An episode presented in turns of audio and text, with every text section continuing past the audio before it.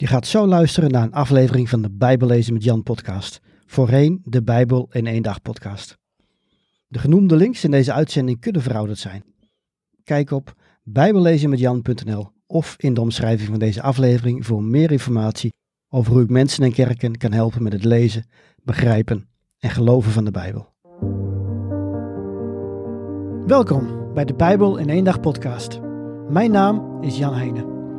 Ik ben auteur van het boek De Bijbel in één dag. Ik geloof dat de Bijbel Gods woord is en dat we allemaal deel uitmaken van zijn verhaal. De Bijbel is ook een vreemd boek soms. Ik help christenen de Bijbel te lezen, te begrijpen en te geloven. Op de Bijbel kun je het e-book De Bijbel in één dag gratis downloaden. Ook kun je de paperback bestellen of je inschrijven voor een van mijn cursussen of seminars. Oké, laten we met de aflevering beginnen. En deze week heb ik een nieuwe bonusaflevering voor je. Zoals je waarschijnlijk weet, zie ik het als mijn missie om mensen te helpen met het lezen, begrijpen en geloven van de Bijbel. De Bijbel is een complex boek dat voor ons, Nederlanders in de 21e eeuw, gewoon heel moeilijk te begrijpen is.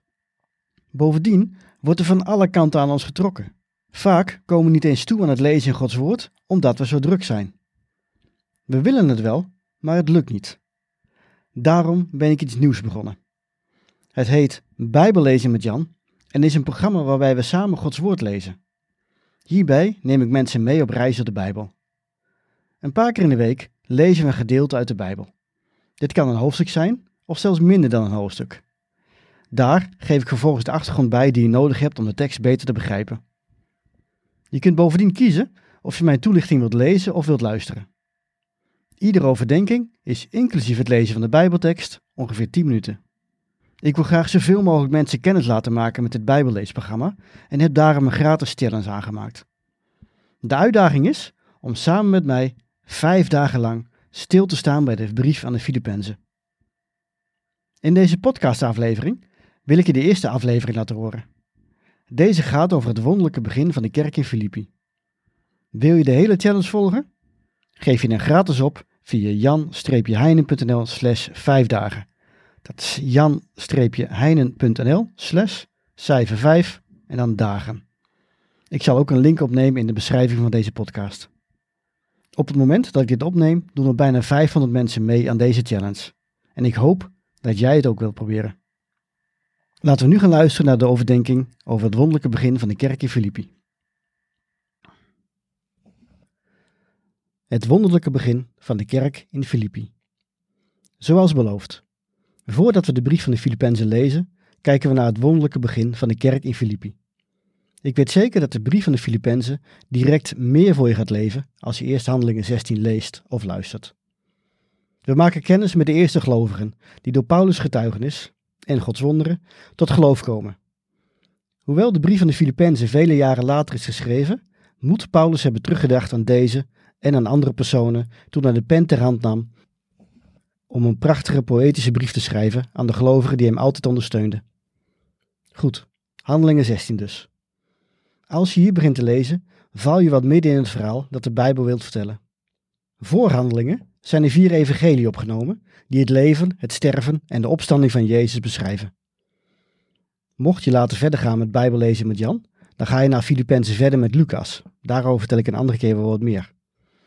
Maar deze Lucas schreef ook het boek Handelingen.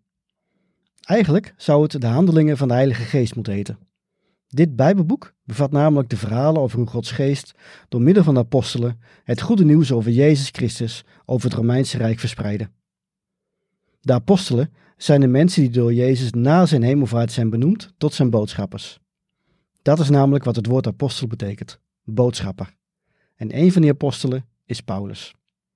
Paulus was een fanatieke Jood die de volgelingen van Jezus hardnekkig vervolgde, totdat de Heer Jezus zelf aan hem verscheen. Vanaf dat moment werd ook hij iemand die het goede nieuws verspreidde. Zo kwam hij onder meer terecht in de Griekse stad Filippi. Daarover gaan we nu lezen. We lezen Handelingen 16, de versen 1 tot en met 34.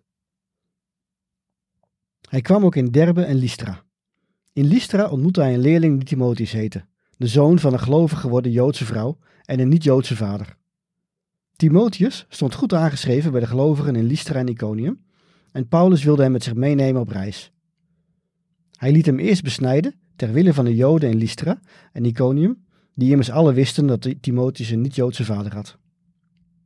Op hun tocht langs de steden stelden ze de gemeenteleden op de hoogte van de besluiten die door de apostelen en de oudsten in Jeruzalem waren genomen en droegen hen op zich daaraan te houden. De gemeenten werden steeds sterker in het geloof en het aantal leerlingen nam dagelijks toe. Ze trokken door Frigië en de landstreek Galatië, omdat ze door de Heilige Geest werden verhinderd Gods woord in Azië te verkondigen. Toen ze bij de grens van Mysië kwamen, wilden ze doorreizen naar Bithynië, maar dat stond de geest van Jezus hun niet toe. Daarom trokken ze door Mysië tot ze de kust bereikten en in Troas aankwamen. Daar kreeg Paulus nachts een visioen, waarin een man uit Macedonië hem toeriep: Steek over naar Macedonië en kom ons te hulp. Toen Paulus dit visioen had gezien, wilden we meteen naar Macedonië vertrekken, omdat we eruit opmaakten dat God ons geroepen had om aan de mensen daar het evangelie te verkondigen. We gingen in Troos aan boord van een schip en zetten rechtstreeks koers naar Samothrake. De dag erop voeren we verder naar Neapolis. En vandaar reizen we naar Filippi, een belangrijke stad in dat deel van Macedonië. In deze stad, die volgens Romeins recht wordt bestuurd, bleven we enkele dagen.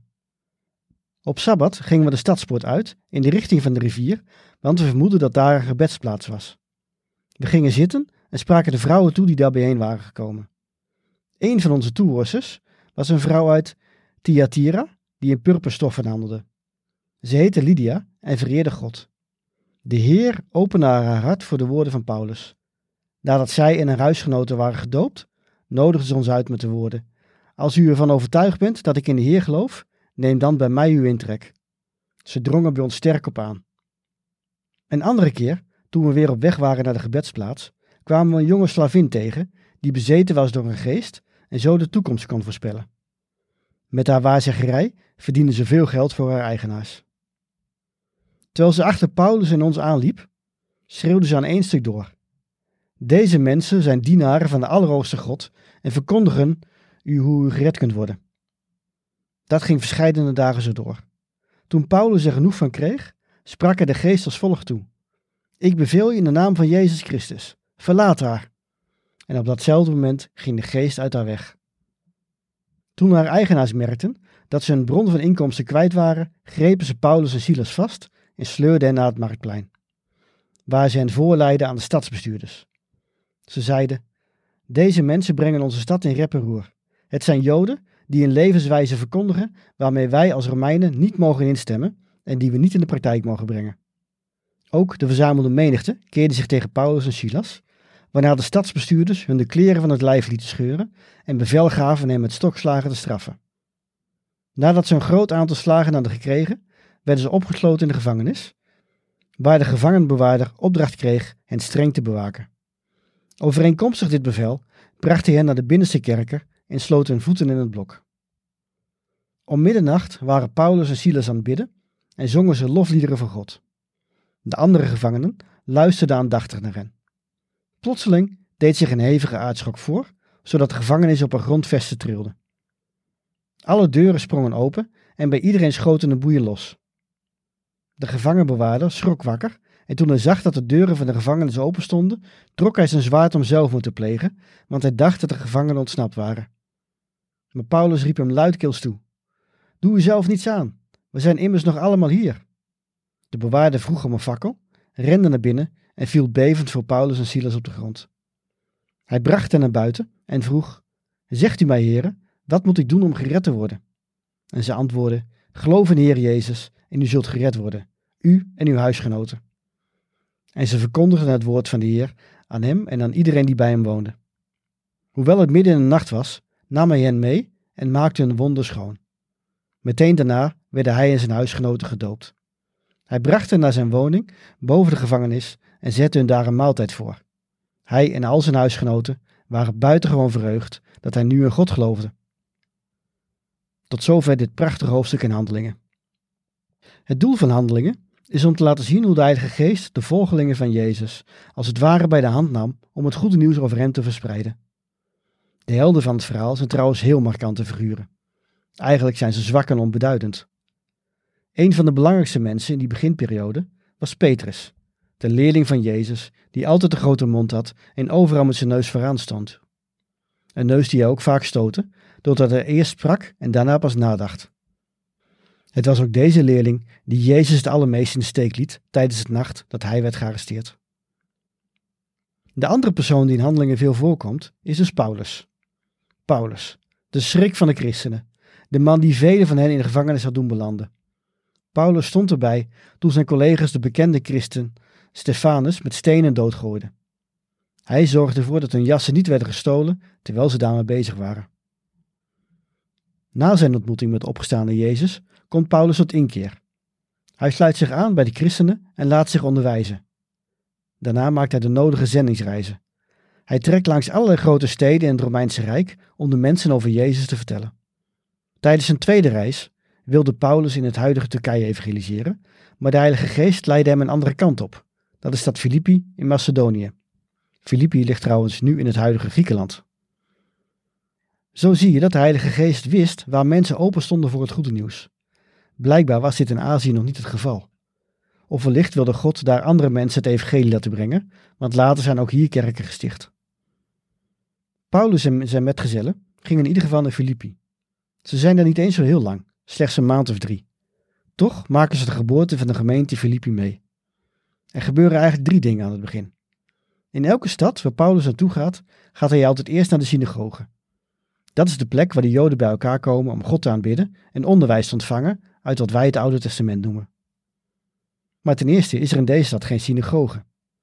Dat betekent dat er amper Joden in Filippi waren, want om een synagoge te kunnen vormen waren er slechts tien mannen nodig die allen hoofd van een huishouden waren. Bij gebrek aan de synagoge gaan Paulus en zijn vrienden naar de rivier. Het was in die tijd gebruikelijk dat mensen daar samenkwamen om tot hun God te aanbidden. En wat ontdekken ze hier? Een groep vrouwen die tot de God van de Joden bidden. Ze staan onder leiding van Lydia, een Aziatische zakenvrouw. Lydia luistert aandachtig naar Paulus' onderwijs en begrijpt de verbanden tussen het Oude Testament en Jezus. Ze komt tot geloof, haar huishouden ook, en ze laten zich allen dopen. Het is zeer waarschijnlijk dat de christenen daarna wekelijks bij haar thuis samenkwamen om door Paulus verder onderwezen te worden. Ze had waarschijnlijk een groot huis. De volgende opmerkelijke bekering is die van een slavenmeisje.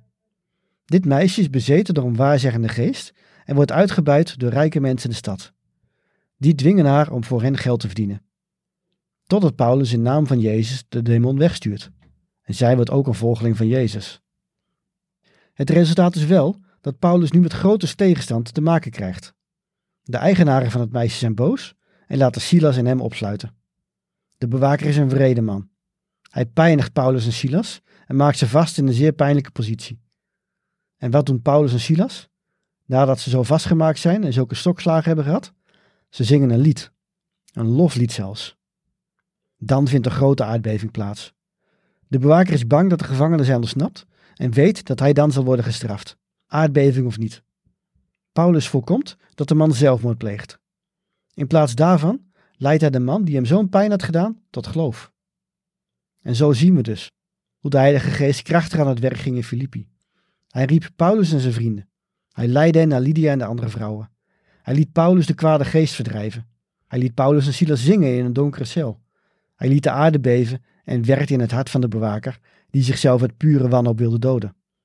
Een zakenvrouw, een slavenmeisje en een vrede bewaker. Zij vormen de eerste pilaren van de eerste christelijke gemeente Filippi. Een kerk die nog lang daarna, keer op keer, de missie van Paulus en de apostelen zou ondersteunen. Ik ken jouw geschiedenis niet. Misschien vind je jezelf niet sterk. Misschien vind je je zelfs onwaardig. Maar weet je, als de Heilige Geest jou heeft geroepen, ben jij ook een pilaar van de kerk van de opgestaande Christus. Tot zover de eerste aflevering van de Vijf Dagen Challenge. Zoals eerder gezegd, ik hoop dat je de hele challenge wilt doen. Je kunt je opgeven via jan-heinen.nl slash 5 dagen of klik op de link in de beschrijving van deze podcast.